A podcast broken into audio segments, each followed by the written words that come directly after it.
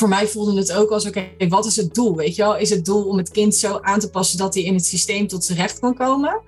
Of gaan we kijken, wat heeft dit kind nodig om te kunnen bloeien en zijn talenten in te kunnen zetten en zich goed te kunnen ontwikkelen? Welkom bij de Talentengroei podcast. We praten hier over leren, ontwikkeling, onderwijs en opvoeding. Mijn naam is Karen Dijkstra en in deze podcast ga ik in gesprek met auteurs, coaches en andere experts die anders denken en doen als kinderen leerproblemen hebben op school. En hierbij kijken naar kwaliteiten en talenten in plaats van tekorten. Positief en praktisch. Met deze podcast krijg je inspiratie, nieuwe inzichten en tips, zodat jij een kind vanuit talent kan helpen groeien. Van harte welkom weer bij een nieuwe aflevering van de Talentengroei podcast. En vandaag heb ik de gast Jente van der Woude. Jente, van harte welkom. Dank je. Leuk om er te zijn. Ja, wij gaan uh, samen in gesprek over uh, nou ja, um, het onderwijs en ook wat er anders zou mogen, kunnen. Want dat is waar jij je eigenlijk volledig mee bezighoudt met jouw podcast. En die heet Anderwijs. Ja. Mag je zo uh, vertellen hoe dat ook gekomen is. Mm -hmm. um, zou jij voor de luisteraars jezelf kort willen voorstellen nou, wie je bent en wat je doet? Ja. Mijn naam is Jente, Jente van der Woude. Ik ben 35 jaar en ja, wat ik doe. um, ik vind het altijd een lastige vraag van stel jezelf even voor. Ik stel hem dagelijks aan, aan de mensen die in mijn podcast komen, maar om het dan zelf te doen. Omdat ja, wie, wie ben ik eigenlijk? En ik denk dat dat ook wel een essentie is van, van wat ik doe, is vragen stellen. Oké, wie ben ik? En als ik dan zeg, ik ben iemand die 35 is, oké, maar is dat überhaupt belangrijk? Een leeftijd. En ik kan heel erg bezig zijn in mijn hoofd. Ik kan heel erg bezig zijn in mijn lichaam. En ik ben dat zelf steeds meer um, aan het verbinden met elkaar. En dat is denk ik naast uh, de podcast waar ik mee bezig ben, waar we inderdaad straks vast verder op uh, terugkomen, mm-hmm. ben ik vooral heel erg bezig met mijn persoonlijke ontwikkeling ook om ja, eigenlijk alles waar ik tegenaan loop niet meer weg te drukken, wat ik heel lang gedaan heb, maar om het eigenlijk aan te gaan en dan te gaan kijken, oké, wat gebeurt er nu met mij? en um, ja, wat, wat kan ik daar ook mee? Want het is inderdaad het gebrabbel en het in mijn hoofd zitten. Ja, dat geeft voor mij eigenlijk aan, oké, ik ben niet gewoon vanuit mijn gevoel aan het praten. Ik ben echt aan het nadenken over wat ik moet zeggen en wat goed is. En als iemand zit te luisteren en ik denk, oh jezus, wat een sukkel. Um, weet je wat dat dan met mij doet? En nou ja, goed, mm. dat is uh, ja, waar ik me veel mee bezig hou. Ja. Ja, en um, jij hebt een, op dit moment een podcast, maar je hebt ook een reis daar naartoe gemaakt. Mm-hmm. uh, je hebt iets met onderwijs, dat kan ja. niet anders. dat klopt. En je bent ook leerkracht geweest. Uh, is dat wat je gedaan hebt? Uh, of ben je meteen Pabo gaan doen naar de middelbare school? Of heb je nog iets anders gedaan? ja, ik ben gestart met psychologie. Okay. aan de Universiteit in Groningen. Ik um, had al heel lang de droom om psycholoog te worden. En eigenlijk viel alles wat die studie was heel erg tegen bij het beeld wat ik had van psycholoog zijn. Het was echt ja, gewoon heel hoofdige stof en dingen stampen. En ja, ik, heb nooit echt leren leren. Dingen gingen gewoon. En um, op de universiteit had ik dan dat ik twee dagen van tevoren voor een tentamen begon te leren. Want ik dacht, ja, het is toch wel handig om iets van de stof te doen. En dat was dan zo'n dik boek. Ja, daar kwam je in twee weken nog niet doorheen. dus ik had echt geen idee. Ook al die vragen die dan op zo'n tentamen kwamen. dacht ik, ja, ik, weet het gewoon niet. Ik kon het ook niet logisch beredeneren. Of weet je, gewoon, gewoon niks. Nee. En um, alle practica, dus alle praktische vakken die heb ik allemaal gehaald, met hele goede cijfers ook. En ik heb geen enkel tentamen gehaald. dus na anderhalf jaar dacht ik, nou, misschien is het tijd om uh, iets anders te gaan doen. Sowieso moet ik zeggen dat ik dus niet echt aan mijn studieskills gewerkt heb in die periode, maar vooral gewoon ja, hetzelfde ben blijven doen. Want ja, ik had geen idee hoe dat mm. moest, weet je wel. Dus, um, dus toen ben ik op zoek gegaan naar een meer praktische opleiding. Dus ik ben HBO gaan doen. En ik heb vroeger veel zeillessen gegeven. Dus uh, iemand in mijn omgeving zei van... Goh, moet je daar dan niet wat mee doen? Weet je wel, moet je niet de pabo gaan doen of zo? dat kan toch niet? Want dan, word je alleen, dan kun je alleen maar leerkracht worden. Dat voelde voor mij heel, heel beperkt, zeg maar. Je stapt in een sportje en je weet al wat je gaat worden. Mm -mm. En ergens was dat heel fijn en overzichtelijk. En tegelijkertijd voelde ik daar dus heel veel weerstand tegen. Want ja, psychologie kun je, nou weet ik niet, dan word je ook psycholoog, maar uh, dan zijn er daarbinnen nog heel veel smaakjes, zeg maar. Ja. Um, dus dat heeft wat weerstand opgeleverd. Maar ja, uiteindelijk ben ik dat wel gaan doen. En ook op de PABO merkte ik dat ik heel echt stages, twee vingers in mijn neus, hoge cijfers, fantastisch. En dan kwam het stageverslag. En alles wat dus zeg maar gestructureerd moest en, en waar ik voor de boeken in moest duiken. En weet ik, ja, dat vond ik gewoon verschrikkelijk. Um, ja, dat, en, en ik merkte ook wel aan het begin van de PABO hadden we ontwikkelingspsychologie. Dat vond ik echt fantastisch. Mm dus ik had me voor, het eerste, voor de eerste les, geen college, les, had ik me echt heel goed voorbereid. Ik had het hoofdstuk gelezen, ik had vragen opgeschreven. En ik, ik dacht echt, wow, dit wordt vet, weet je wel. Hier heb ik zin in. Het was mijn eerste les op de PABO, ontwikkelingspsychologie, woehoe. En bij mijn eerste vraag zei de docent, nee, maar dat hoef je niet te weten. Nou, daar ging mijn motivatie voor de PABO, weet je wel. Dus, um, en ik denk dat ik op de PABO best wel veel voorbeelden heb gehad van hoe ik vond dat het onderwijs niet gegeven moest worden. Mm-hmm. Ook dat een van de docenten zei, ja, je moet zorgen voor veel interactie met je kinderen. Dus niet zoals ik nu les geef, Mhm. maar dan met interactie. En toen dacht ik, maar jij leert ons hoe we deze lessen moeten geven. Dus hoe kan het dan dat je zegt, je moet het niet doen zoals ik, maar anders? Ik, ja, Laat dat dan zien, zou je denken. ja. Oh. Ja, dus um, nou goed, ik had laatst ook met een oud klasgenoot erover hoe, ja, dat we gewoon onze Pabo. Ja, ik heb er ook wel heel veel geleerd, uiteraard. Maar Mhm. ja, ik, ik vraag me af of dit nou de beste opleiding was voor het beroep wat ik later ben gaan uitoefenen. Ja. Je- En je bent voor de klas gaan staan. Ja, Ja. ja. ik ben inderdaad voor de klas gaan staan. En dat was in een tijd dat er nog heel veel baan, nee, juist heel weinig banen waren volgens mij in het onderwijs. 2014 was het volgens mij best wel een krappe markt. Dus ik had zoiets van, nou, ik ga gewoon overal solliciteren en ik zie wel waar ik terecht kom. Mhm. Dat was in Vlaardingen op een, uh, ja, voor een zwangerschapsverlof. En daar ben ik uiteindelijk gebleven, vier jaar. Mhm. Eerst twee dagen, toen uiteindelijk vijf dagen in twee verschillende klassen. En op een gegeven moment kreeg ik mijn eigen klas. En toen dacht ik, nou, nu, nu, is, nu gaat het lukken, weet je wel. Nu is al dat gedoe met die collega's. En uh, dan hoef ik niet meer samen te werken. Hoef ik me niet meer te voegen naar wat iemand anders wil. Alleen maar de kaartjes en de regeltjes van bovenaf. Maar ik hoefde niet met een collega te discussiëren over wat wel, wat niet. En uh, ja, dat is het jaar dat ik een burn-out heb gekregen en vol eruit ben geklapt. Oh joh.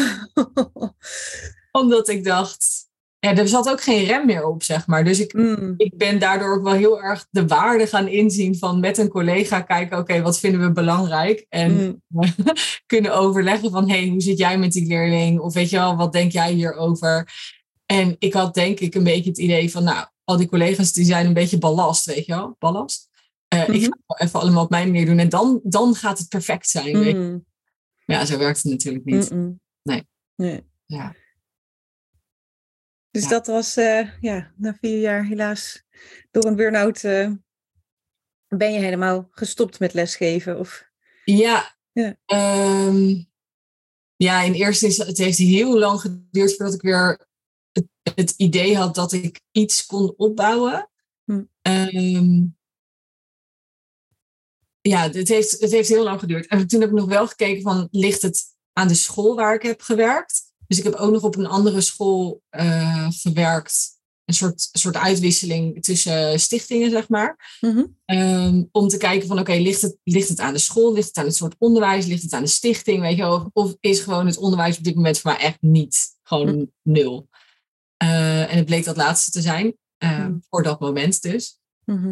Um, en toen kwam ik hele toffe mensen tegen die een fantastisch bedrijf hadden in uh, begeleiding van hoogbegaafde kinderen. En ik dacht, wow, dat lijkt me echt heel tof. Ik wil heel graag met hen samenwerken.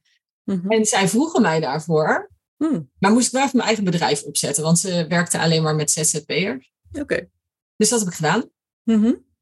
En ik ben daar naast, dus naast het werken voor hen, begeleiding van hoogbegaafde kinderen, uh, plusklas deden we, uh, of verrijkingsklas, mm ben ik me eigenlijk breder gaan inzetten. Alle, alles had met hoogbegaafdheid te maken. Maar ik heb voor andere organisaties ook gewerkt. Mijn eigen begeleidingen gehad. Ik had de natuur in met Jente. Dat was echt fantastisch. Mm, leuk. Hoogbegaafde kinderen struinen in de Broekpolder in Vlaardingen. Um, ik had een, een groep voor peuters met een ontwikkelingsvoorsprong. En, ik begeleidde dus kinderen die vastliepen in het, in het onderwijs door hun hoogbegaafdheid. Mm -hmm. um, uh, heel plat gezegd, maar dat is wel even waar het op neerkwam.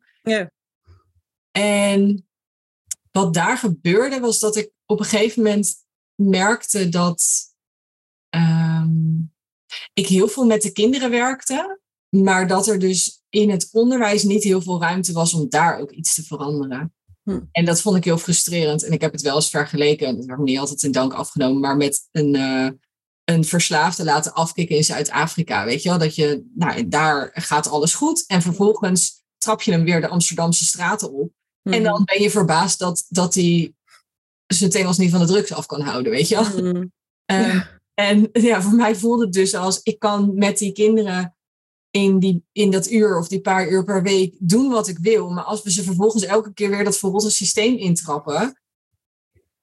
Ja, wat, wat komt er dan echt van terecht? En, en um, het, voor mij voelde het ook als, oké, okay, wat is het doel? Weet je wel, is het doel om het kind zo aan te passen dat hij in het systeem tot zijn recht kan komen? Mm. Of gaan we kijken, wat heeft dit kind nodig om te kunnen bloeien en zijn talenten in te kunnen zetten en zich goed te kunnen ontwikkelen? Mm. En voor mij voelde het vooral als dat eerste. Um, en ik denk niet dat het waar is dat dat het enige is wat er gebeurt. Mm. Maar dat is wel waar ik heel erg tegenaan liep. Ja. Ja. Ja, ik kan me voorstellen. En het is ook de realiteit van, van nou ja, waar de kinderen in zitten en wat ik, wat ik ook van ouders hoor. Hè, van, en die zijn vaak dolblij met zo'n, nou ja, plusklas of hè, bepaalde aanpassingen. Omdat het tenminste iets is wat beter past bij hun kind dan, nou ja, helemaal doorgaan in de gewone stroom. Maar ja, hè, dat, zo'n plusklas is inderdaad maar, nou ja, één moment in de week vaak of... Hè? En uh, dat zijn trouwens voor mij twee hele verschillende groepen kinderen. Hè? De plusklas kinderen die, tenminste, hoogbegaafde kinderen die makkelijk in het schoolsysteem mee kunnen. En hè, daarin de verrijking, versnelling, ver, verbreding, verdieping nodig hebben, zeg maar. En ook hè, de groep die jij ook noemt van uh, de, ja, de kinderen die vastlopen in het schoolsysteem door hun hoogbegaafdheid.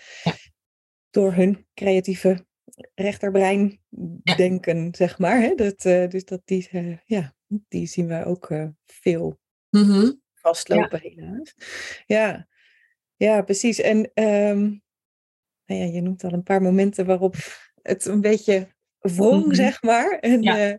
nu um, heb jij die mooie podcast Anderwijs. Hoe is dat gegaan? Wanneer was het moment dat je dacht, hé, hey, dat ga ik doen? Dit is... Hmm. Um, nog een heel stuk tussen. Ja, er zit sowieso een heel stuk tussen. uh, dat ik, even kort al, uh, ik wil het even kort samenvatten. Ik voelde dus die wrijving heel erg... Um, dat het voor mij niet meer klopte wat ik aan het doen was. Mm -hmm. En ik heb echt mijn pijn in mijn hart en heel veel tranen. Dus dat uh, stopgezet.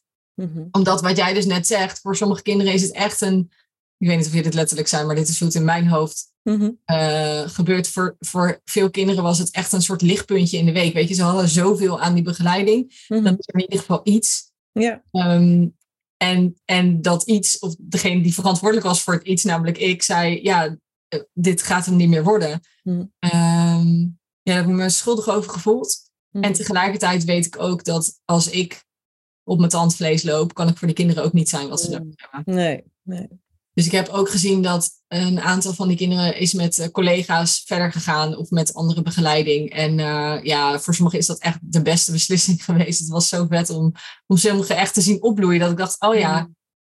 dat is ook, ik, ik had dat niet meer kunnen bieden, weet je wel. Dus nou goed, uh, alles komt natuurlijk altijd goed. Maar um, ja, ik vond dat wel lastig. En dat vind ik nog steeds soms, uh, is dat wel iets waar ik een beetje buikpijn van kan hebben nog steeds.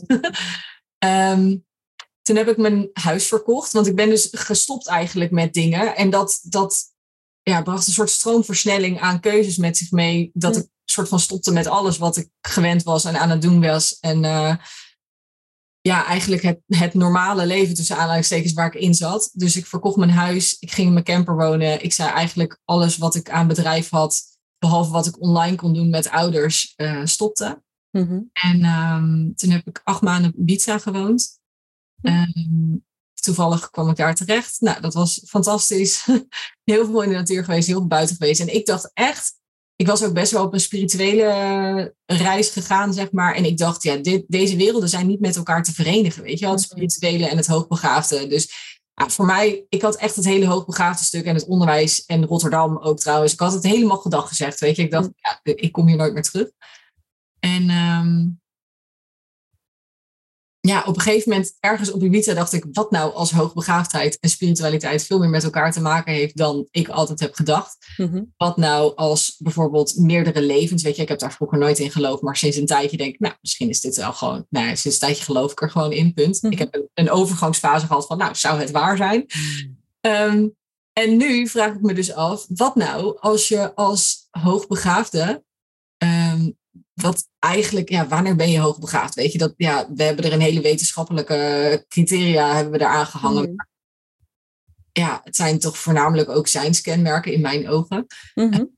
En wat nou als bijvoorbeeld die peuters die ik had in mijn, uh, in mijn peutergroep, ja, die hadden bijvoorbeeld dan niet gekropen of zo, weet je. Die waren gewoon van zitten meteen naar lopen gegaan. Mm-hmm. En toen dacht ik, ja, als jij al een miljoen levens hebt geleefd, of al zijn het er maar duizend, en jij, jij bent weer in dat lichaampje en je denkt, jeetje, oh ja, de vorige keer uh, ging, ging ik lopen na dit stapje, weet je wel. Oké, okay, ja, waarom zou ik daar nog iets tussen doen? Ik weet toch al waar ik naartoe ga. Hm. Um, dus toen dacht ik, wat nou als het veel meer daarmee te maken heeft met... Dus niet een, ik heb een IQ, dus ik ben slimmer dan jij. Nee, ik heb het gewoon al vaker gedaan dan, dan ik nu nodig acht om nog weer een keer te oefenen. Weet je, waarom moet ik 85 keer het sommetje 2 plus 2 maken als ik het na één keer ook al weet? Mm-hmm. Um, sowieso denk ik dat hoogbegaafd de term. Um, weet je, ja, mensen hebben daar een, een, een. Hoe zeg je dat soort weerstand tegen, omdat het woord hoog erin zit. Mm-hmm. Ik denk intussen, als je het woord Mickey Mouse ervoor zou gebruiken, dan hebben we alsnog hetzelfde probleem. Want dit is ook in het onderwijs met zon, maan en ster. Weet je wel, ja, iedereen yeah. weet waar dit voor staat.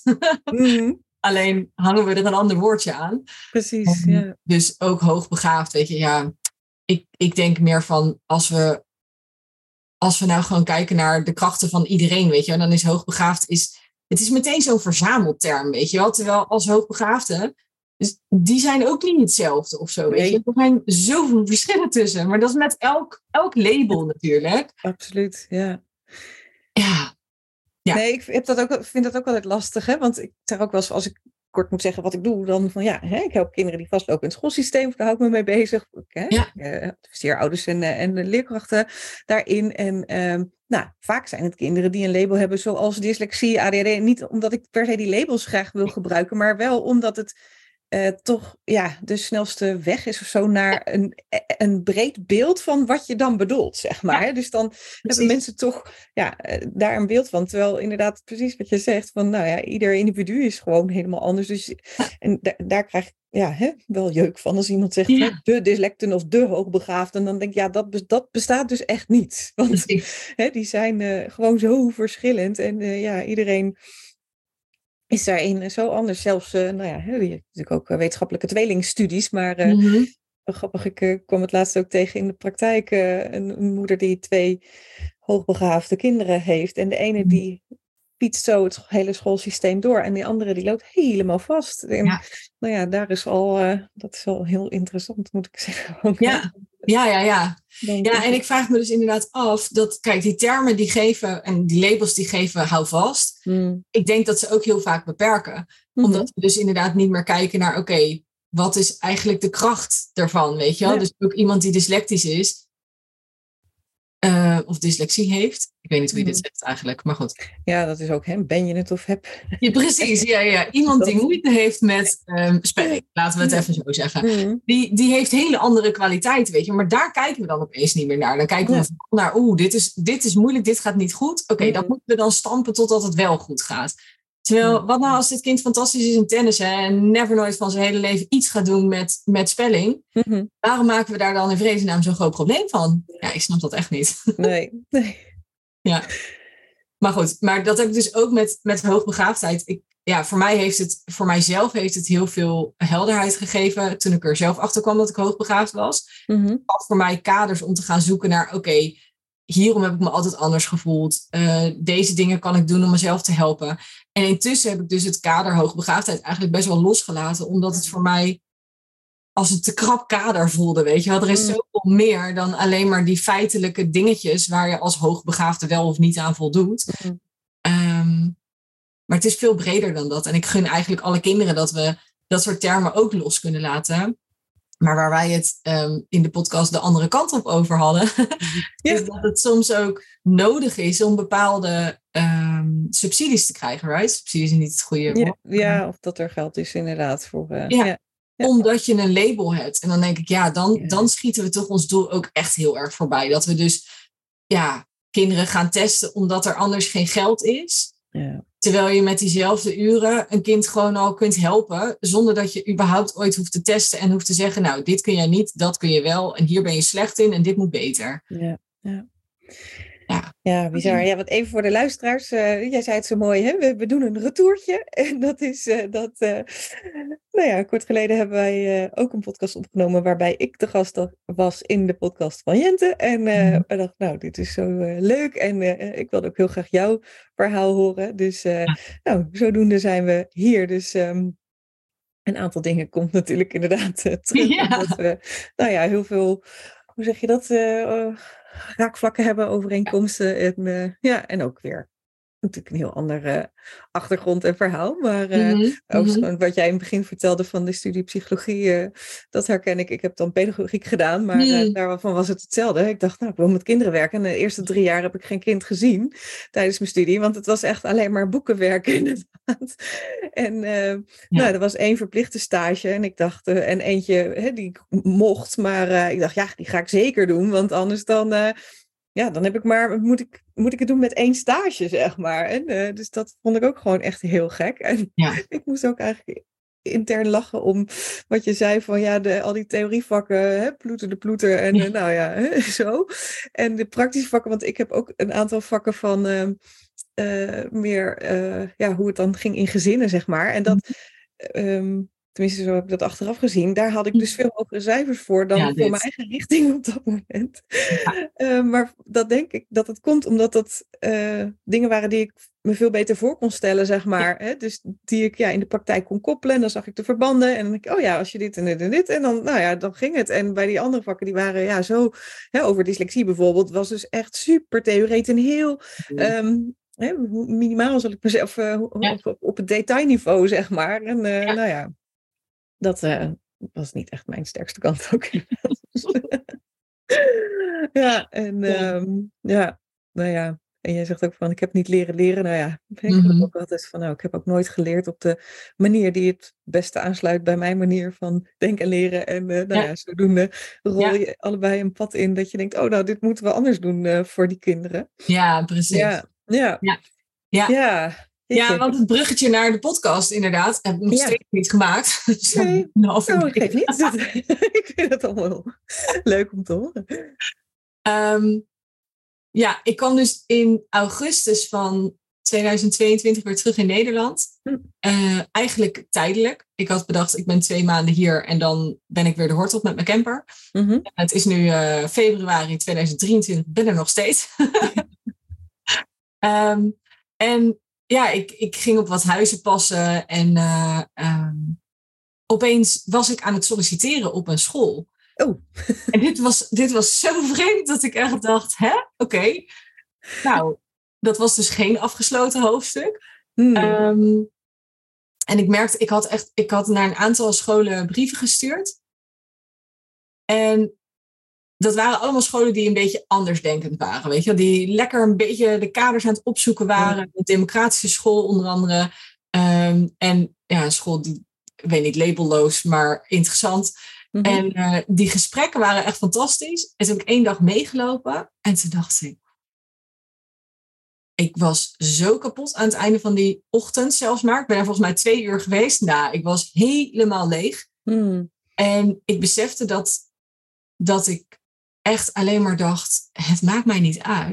Het was een kleuterklas, maakt mij niet uit of jij werkje A of werkje B doet. Of dat je je banaan eet of je broodje wat je moeder voor vanmiddag heeft gesmeerd. Of dat we tien minuten naar buiten gaan of de hele dag. Hmm.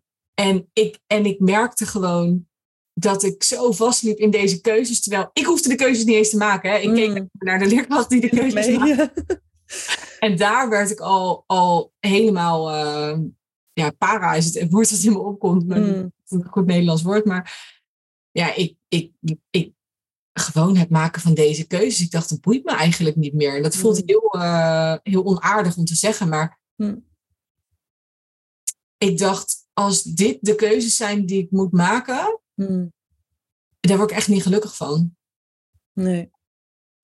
En toen voelde ik dus ook wel, oké, maar ik had wel weer dat vuur voor dat onderwijs terug. Mm. Zeg maar. Er was heel snel, ging dat weer aan. En dat ik dacht, oké, dit zijn dus de keuzes die mensen tegenwoordig in het onderwijs staan te maken. Maar seriously, is dat het meest boeiende wat we kunnen doen? Mhm. Is dat hetgene waar we ons mee bezig moeten houden?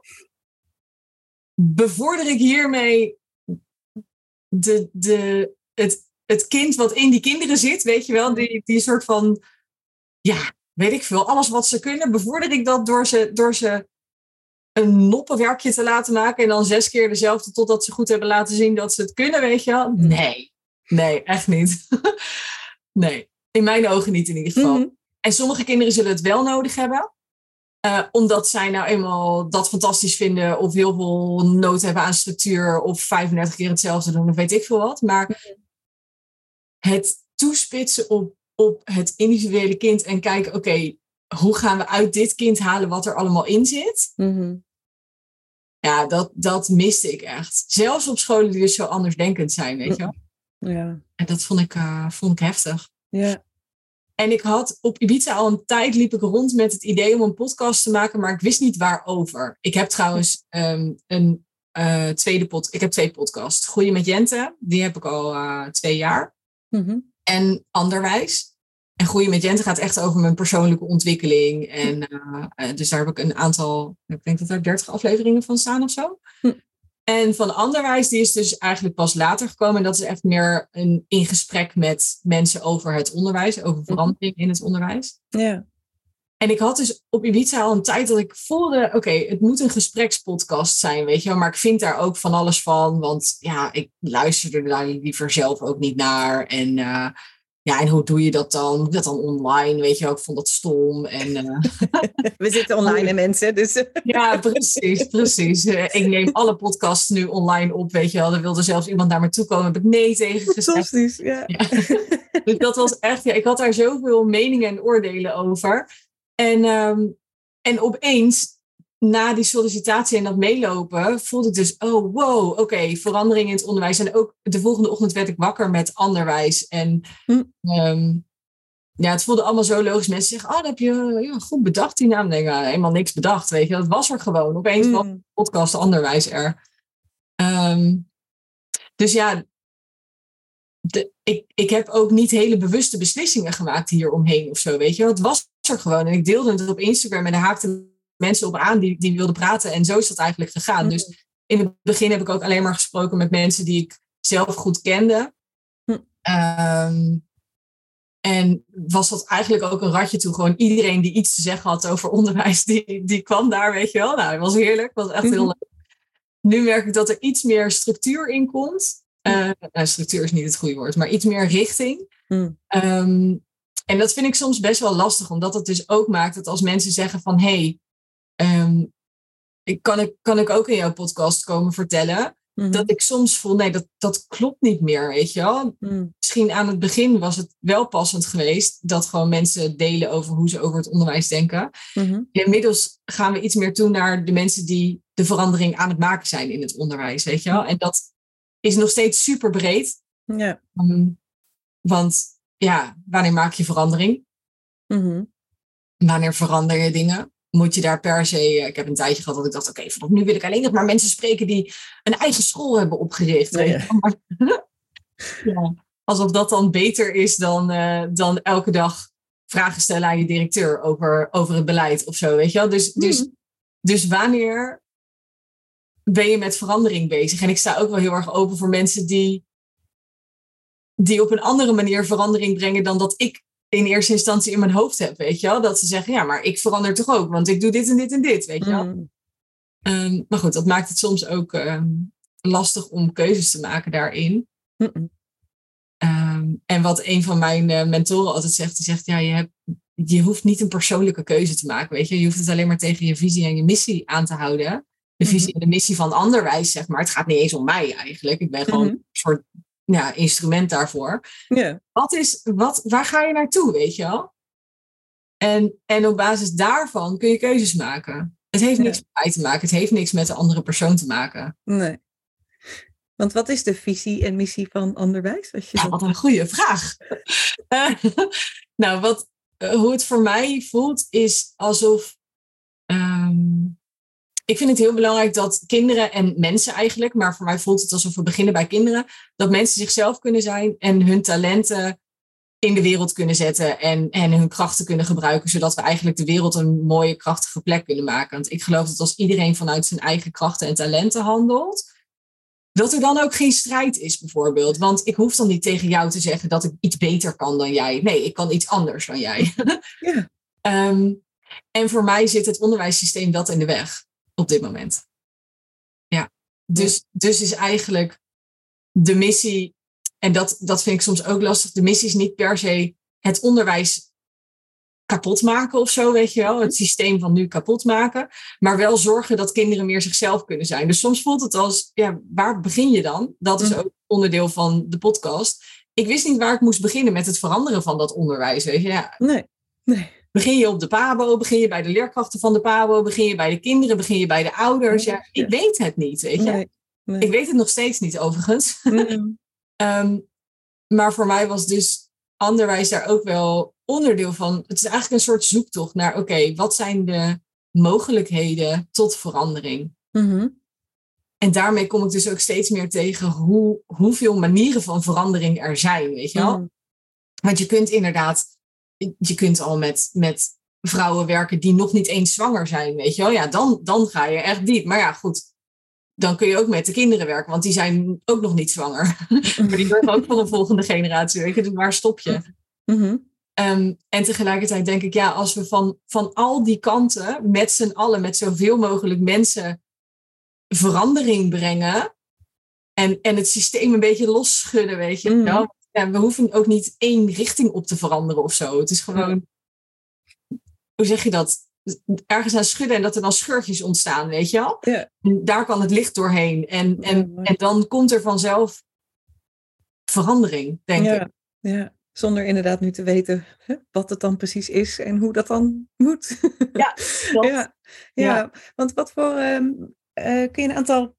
Ja, niet om, ik bedoel, je kan ze moeilijk. Je hebt nu 27 afleveringen, geloof ik, hè, eh, staan. Dus eh, m- kunnen ze niet alle 27 aflopen. Maar ehm, ik heb er ook een paar geluisterd. En eh, hey, je bent bijvoorbeeld in gesprek gegaan met mensen die een andere school hebben opgericht. En eh, ehm, eh, of hè, mensen die ja, met, met ouders werken om die inderdaad heel bewust te maken van goh, hè, wat zijn de kwaliteiten van jouw kind en van, hè, van dit kind. En eh, ehm, ja, hoe kunnen wij die kinderen dan zo goed mo- mogelijk begeleiden in hun nou ja, unieke zijn. En, eh, Ja.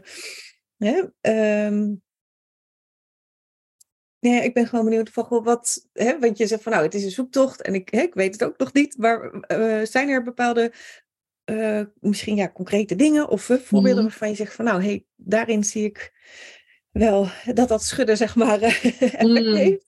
Ja, ja. Ik weet niet of dit Ja. een heldere vraag is, maar eh, Nou ja, wat er voor mij uitspringt, is dat eigenlijk was best wel snel de rode lijn een soort van duidelijk. Oké, heel veel mensen zien dat er verandering nodig is, dat het huidige systeem niet meer past. En we weten, iedereen doet ook maar wat, weet je wel. En dat, dat bedoel ik niet neerbuigend, oneerbiedig of wat dan ook. Maar dat is natuurlijk wel hoe het is. Want het systeem hoe het nu is, daar gaan we buiten breken. Dus dat is er nog niet, weet je wel. En dat, Mhm. ja, op het moment dat je dat dus wel gestructureerd vorm gaat geven van oké, we moeten allemaal linksaf, Mm. dan bouw je dus eigenlijk een nieuw systeem. Terwijl, ja. is dat wat je wil? Weet je, dat Nee. is altijd de vraag. Ehm, dus, en dat was ook wel op een gegeven moment een beetje mijn frustratie, dat ik dacht, oké, ja, rode lijn is duidelijk, weet je, wel, het moet anders. maar hoe dan?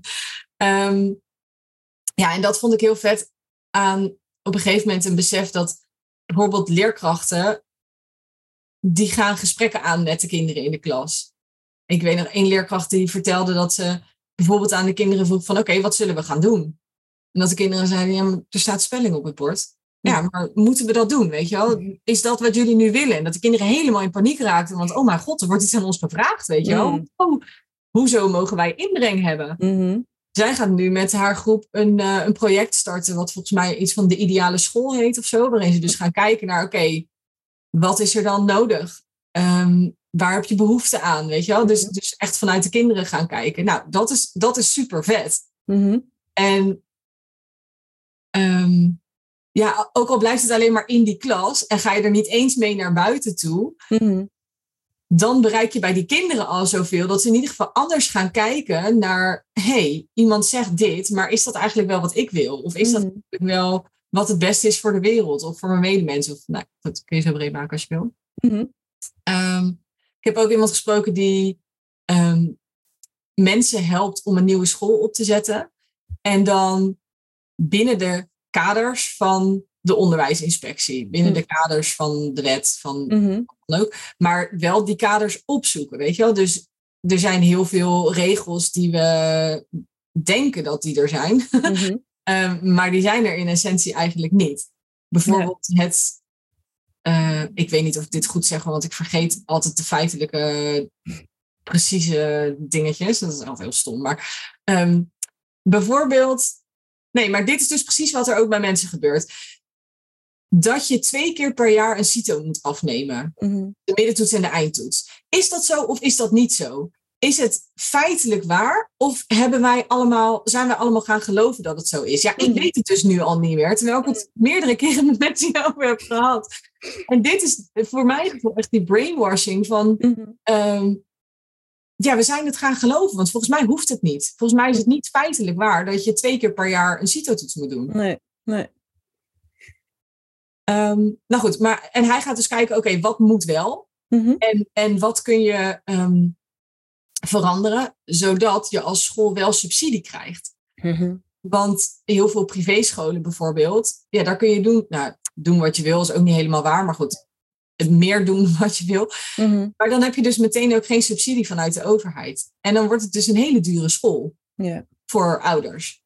Ehm, nou goed, hij doet dat dus binnen die kaders, waardoor je dus die kosten gewoon bij de overheid kunt verhalen. Dus Mhm. iedereen heeft op zijn eigen manier, ehm, ja, draagt hij daaraan bij. Dat vind ik heel tof. Ik ga even kijken, Mhm. want ik heb wat dingen opgeschreven. Oh ja, ook ehm, mensen die, die in het buitenland zijn gaan wonen. En vanuit daar dus, eh, ja, het eigenlijk op een heel andere manier doen met hun kinderen dan hier in het Nederlandse systeem, in het Nederlands onderwijssysteem. En daar ook opzoeken van, hey, wat past bij mijn kind? Weet je, je hebt bijvoorbeeld in Portugal de eh, Story Forest. En dat is echt, ik ben daar geweest, fantastische school. Het is gewoon bijna alles is buiten. Mhm. We hebben een paar hutjes en daar zitten honderd kinderen op school. Dat is ook de max. Meer kunnen ze ook niet hebben, willen ze ook niet hebben. Ehm, ja, weet je, er, is zoveel mogelijk en soms zien we het ook gewoon. Mhm. Dat is voor mij ook wel in de podcast.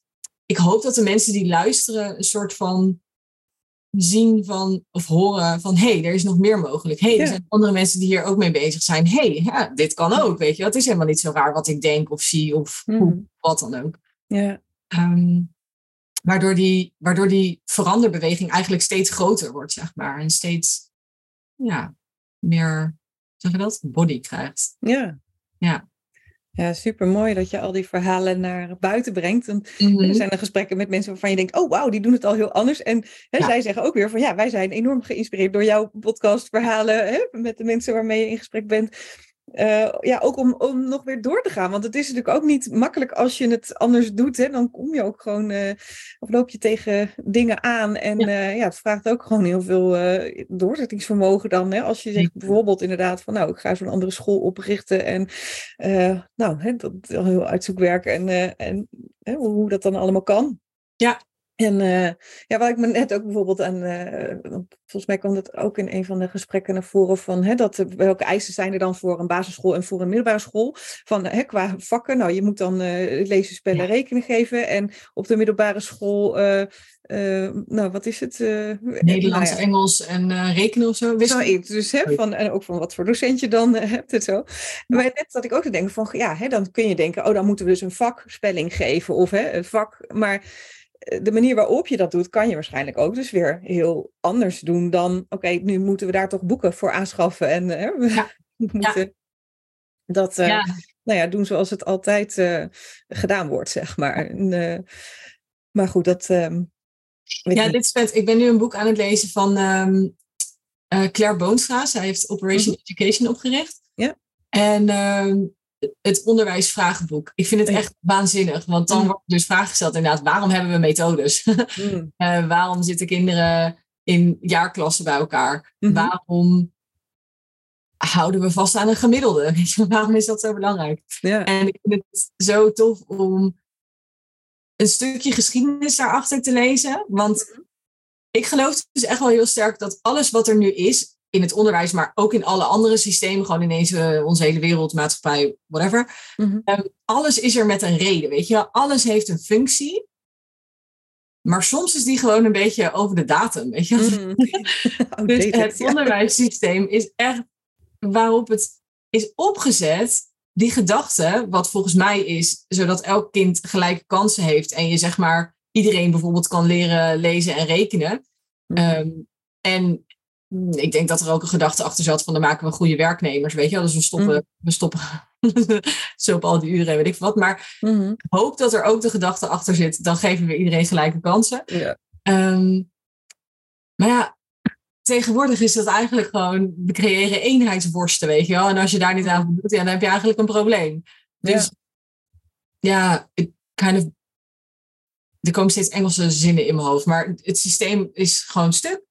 Het is gewoon verouderd. Ja. Ja, wat niet per se slecht is, maar het is wel oud.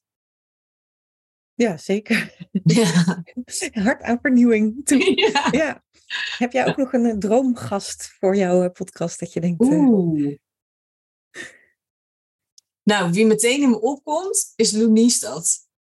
ja, Geen idee waarom ook eigenlijk. Ja, ik weet dat zij wel veel met onderwijs bezig is ook. ja, Ehm, ja, superleuk. We hadden het net over, hè, je vroeg van hoe lang duurt jouw podcast? Ik zeg nou ongeveer een beetje hetzelfde als die van jou. Hè, zo eh, tussen de 40 minuten en, eh, en nou, 55 uur, hè, zoiets. ja 55 uur.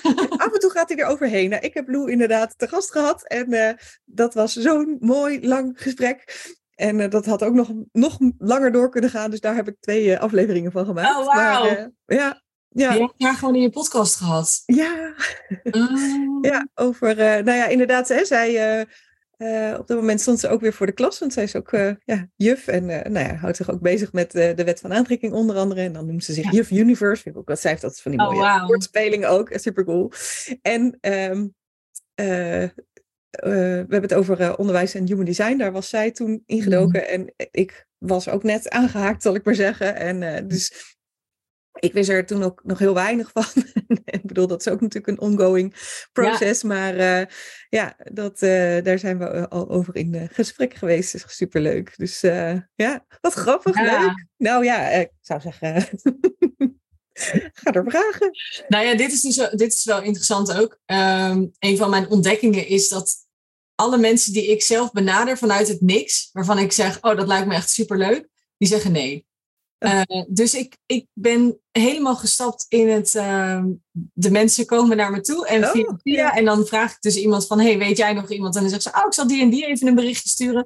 Dus dat, dat werkt heel goed. Die zeggen bijna allemaal ja. Ja. Iedereen die ik zelf vraag, waarvan ik denk, wow, die lijkt me vet, die stuur ik een mailtje met, met, met vragen en uitleg. En zeg allemaal, nee, ja, geen tijd. Of uh, nee, oh, onze, um, hoe zeg je dat, onze pijlen ergens anders opgericht. Of weet je, nou, dat, dat Mm. doen we dan allemaal niet. Vind ik heel. Dus Ja. ja, ja ben benieuwd. Nou ja, maar hoe het ook werkt, hè? het is nu het universum in. Dus eh, Precies, precies. ja, ja, mooi. ja, oh leuk, wat mooi. Ja, nee, super inspirerend ook eh, Mhm. om met haar te spreken. Leuk. Nou ja, wie weet, dan eh, zoals, eh, nou ja, kijken hoe, en Lou is een beetje van de, hoe noem je dat? Van de, ra- nou niet van de radar, maar van social media en zo. Ja, dus ervan af, niet dat ze ervan is. Ja, nee, precies. Juist niet meer. ja. Ja. Ja, en ehm, ehm, ja, je geeft al aan hè, van nou, ik ben lekker met de podcast bezig en het is een zoektocht. Ik weet niet naar waar het eh, naartoe gaat. Dus eh, ja, stiekem een beetje jaloers op jou. Want dat, je, hè, dat je inderdaad nou ja, je vooral met de podcast bezig kan houden. En ja, daar nou ja, lekker eh, in gesprek kan zijn en steeds eh, nou ja, of een puzzelstukje leggen of nou ja, deuren openen en eh, mensen inspireren om, eh, om dat te doen. Super gaaf. Ja, en ehm, want zijn er dingen waarvan je zegt, nou, dat of dat wil ik nog graag doen? Of is dat, ligt dat ook allemaal open? Nou, wat ik echt heel tof zou vinden, ehm, is om met teams in gesprek te gaan, schoolteams. Mhm. Ehm, of één voor de stars, het ministerie, weet je wel, Mhm. een groep daar. Om te gaan kijken, oké, maar wat willen we nou echt? Weet je wel, wat willen we voor deze kinderen? Waar Mhm. willen we het onderwijs voor gebruiken? Ehm, en wat hebben we daarvoor nodig? Want ik geloof ook wel dat ik andere mensen niet hoef te vertellen hoe ze het moeten doen. Ook niet Mhm. met de podcast, ook niet als ik er duizend heb gehad. Weet je wel, ik hoef niemand te vertellen hoe ze het moeten doen. Want Mhm. voor mijn gevoel weet iedereen het al. Alleen moeten we de laagjes, de conditioneringen, al die rotzooi ervan afpellen. Mm. En dus gewoon vragen stellen. Is dat zo, weet je wel? Dat je dit zegt, is het waar? Mhm. En, en, en wat moeten we daar dan voor doen? Als jij kinderen de beste toekomst wil geven, oké, A, is dat zo? B, wat heb je daar dan voor nodig? Mhm. Als jij denkt dat het huidige onderwijssysteem daaraan bijdraagt, dan is mijn vervolgvraag weer: is dat zo? Op welke manier zie je dat dat daaraan bijdraagt? En, en weet je wel, dus ja, ik weet niet. Ik, vind- het lijkt me heel vet om, om dat te doen met teams en om te kijken: oké, hoe kun je inderdaad binnen kaders, je hoeft niet meteen je hele leven om te gooien. Nee. Maar ik denk dat alleen al met een ander gevoel erin gaan, een andere intentie erin gaan, dat Ja. dat zoveel verschil kan maken. Ja. En wat ik zeg, ik, ga, ik, ja, ik voel dus niet dat ik naar plekken toe wil en, en moet zeggen, nou, dit is hoe je het moet doen. Want Nee. ik weet het ook niet. Nee. Maar, maar ik vind dus juist het stellen van die vragen en het verkennen en het kijken wat er mogelijk is, vind ik heel tof. Ja. Ehm, en wat Mhm. ik al heel lang voor me zie. Ik dacht eerst dat het alleen over hoogbegaafdheid ging, maar inmiddels denk ik misschien wel gewoon over onderwijs. Mhm. Ehm, is een, een soort show waar ik zeg maar gewoon op een podium sta en ehm, ja, mensen inspireer door een soort cabaret-show of zo. Door Ja. gewoon de humor erin te gooien, maar wel een serieuze boodschap mee te geven. Ja. Ja, voor mij voelde het als die hoogbegaafdheid. Dacht ik echt, ja, meer mensen moeten hierover weten. Mhm. Mensen in het onderwijs moeten hierover weten. Maar de mensen die het moeten weten, dat zijn de mensen die niet zomaar een boek zullen pakken. Van hé, hey, laat ik eens even meer leren over hoogbegaafdheid. Ik zag mezelf staan op zo'n, ehm, hoe noem je dat ook alweer? Zo'n dag voor besturen, weet je wel. Waar alle leerkrachten dan naartoe gaan. Een soort stichtingdag, zeg maar. Mhm. Eh, en dat ik daar dan gewoon op het podium stond en Mhm. een super grappig verhaal vertelde, maar wel ook pijnlijk. Want ja, hoogbegaafdheid en kinderen die uitvallen en weet je wel zo. Maar dat je op een leuke, grappige manier mensen aan het denken zet van hé, hey, Ja, mooi. ben ik eigenlijk wel het juiste aan het doen. Ja. En hoe vet als ik dat dan dus onderwijsbreed kan doen in plaats van alleen maar de hoogbegaafdheid. Maar Ja, is natuurlijk wel, en daar kan ik alles aan ophangen. Ja. Ja, dit lijkt me gewoon heel vet om op zo'n manier mensen aan het denken te zetten. En dus eigenlijk ze dus wat ik net zei, niet te vertellen wat ze moeten doen, maar gewoon dat stukje te activeren, waardoor je gaat denken, hé, hey, Hm, gek. wat ben ik eigenlijk aan het doen? Ja, ja. Ja. Dat is superleuk, een mooie manier. Ik doet mij denken, ik zal dat straks even voor je opzoeken, want ik kan zo niet eh, terughalen eh, welke podcast het was en hoe die Mm. mevrouw heet. Maar er is iemand die uh, soort gelijk iets doet die ook vanuit het onderwijs komt. En uh, dat zelf niet meer doet, maar die dus inderdaad een, een show heeft. Nou ja, eigenlijk een beetje wat jij, wat jij mm. schetst. Dus superleuk. Dus misschien is dat leuk om, nou ja, misschien haar eens op te zoeken en ja. daarover te hebben. Want ik denk dat dat heel leuk is. Ja. Mooi. Heel mooi. Grappig hè, hoe iedereen zo zijn eigen invulling heeft. Uh, ik, ook een van mijn podcastgasten, Rosa Meijer, was toen nog student aan de uh, Hogeschool voor de Kunsten in Utrecht. En die heeft mhm. dus een, uh, een jeugdfilm gemaakt, hè, De Fantast. Mhm. ook heel leuk, ik weet niet of je die kent, maar die is nog te zien denk ik op YouTube en op Sep Bios. Ah. Die gaat ook over uh, nou ja, een jongetje die dan rekenproblemen heeft. En uh, zijn klasgenootje die uh, is rekentijger en hij wil ook rekentijger worden. Hè? Ook over weer benamingen. Ja. Maar, um, en nou goed, dat um, gaat hem niet worden, zeg maar. En nou ja, hij ontdekt ook van, hé, hey, er is eigenlijk, want hij wordt gewoon getest. En, want hè, er zou iets mis met hem zijn. En nou, ja. er is eigenlijk helemaal niks mis met hem. Maar het is gewoon een jochie met heel veel fantasie. En die is, nou we zien in het onderwijs snel afgeleid, et cetera. Ja. En, uh, maar goed, ook superleuk. Maar zij, zij heeft weer die vorm gekozen om, uh, om de boodschap uh, naar buiten te brengen. En zo ook uh, nou ja, met kinderen in gesprek te gaan en met hun leerkrachten. Dus dat is ook heel eh, mooi. En ja. ja. leuk Jente. Ik zie het je helemaal doen. Go for it. ja. ja, die gaat er ook ja.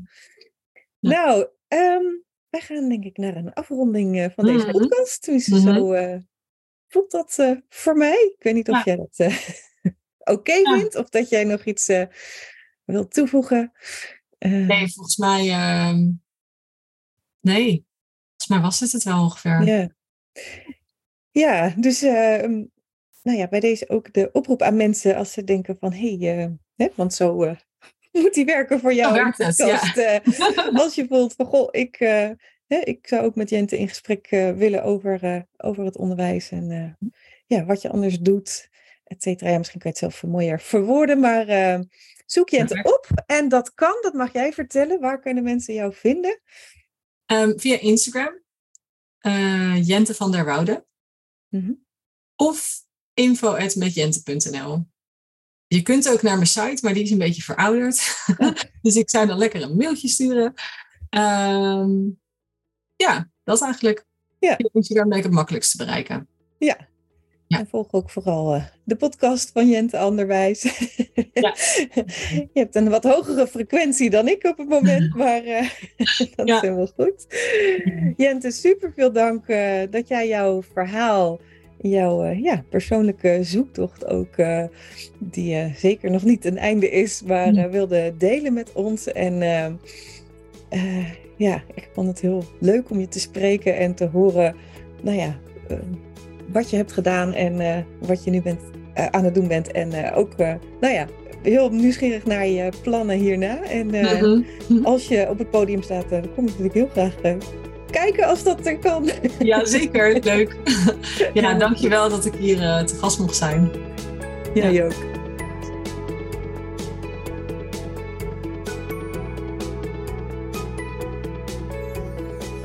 Dankjewel voor het luisteren naar deze aflevering. Wil je op de hoogte blijven van nieuwe afleveringen? Abonneer je dan door in je podcast-app te klikken op de button abonneer of subscribe. Vind je deze aflevering interessant en ken je iemand die baat zou hebben bij deze podcast? Dan zou ik het super vinden als je de podcastaflevering deelt of doorstuurt. Bijvoorbeeld door een screenshot te maken of de link te delen vanuit iTunes of Spotify. Klik op de drie puntjes en vervolgens op delen.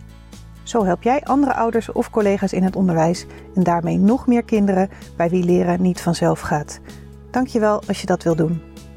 Het is mijn intentie om waardevolle inzichten te delen en hiermee zoveel mogelijk ouders en leerkrachten te bereiken. En een handvatten te geven zodat zij kinderen kunnen helpen hun talenten te leren kennen en in te zetten. Zodat ieder kind weer met plezier en vol zelfvertrouwen naar school gaat. En zij als kind en als volwassene kunnen leren en leven vanuit talenten.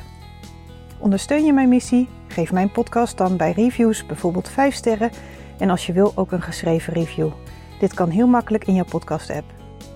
Loopt jouw kind of leerling vast op school en heb je het gevoel dat het anders kan? Lees dan mijn boek In 10 stappen leren vanuit talent. Ik zou het leuk vinden als je het bestelt via mijn website, maar het is ook te koop via alle boekhandels of te leen in de bibliotheek. Ik vind het altijd leuk om berichtjes te ontvangen van jou als luisteraar om te horen wat je van een aflevering vindt of als het je een bepaald inzicht heeft gegeven. Stuur me dan even een mailtje via karen.talentengroei.com of een persoonlijk bericht via LinkedIn of Instagram. Zoek op Karen Dijkstra. Karen is met een E. En talent en groei, dan kan het niet missen. Dit kan uiteraard ook als je een vraag of suggestie hebt. De audiobewerking van deze podcast is verzorgd door Jeroen Sturing. Ik kijk alweer uit naar een volgende podcast. Graag tot dan.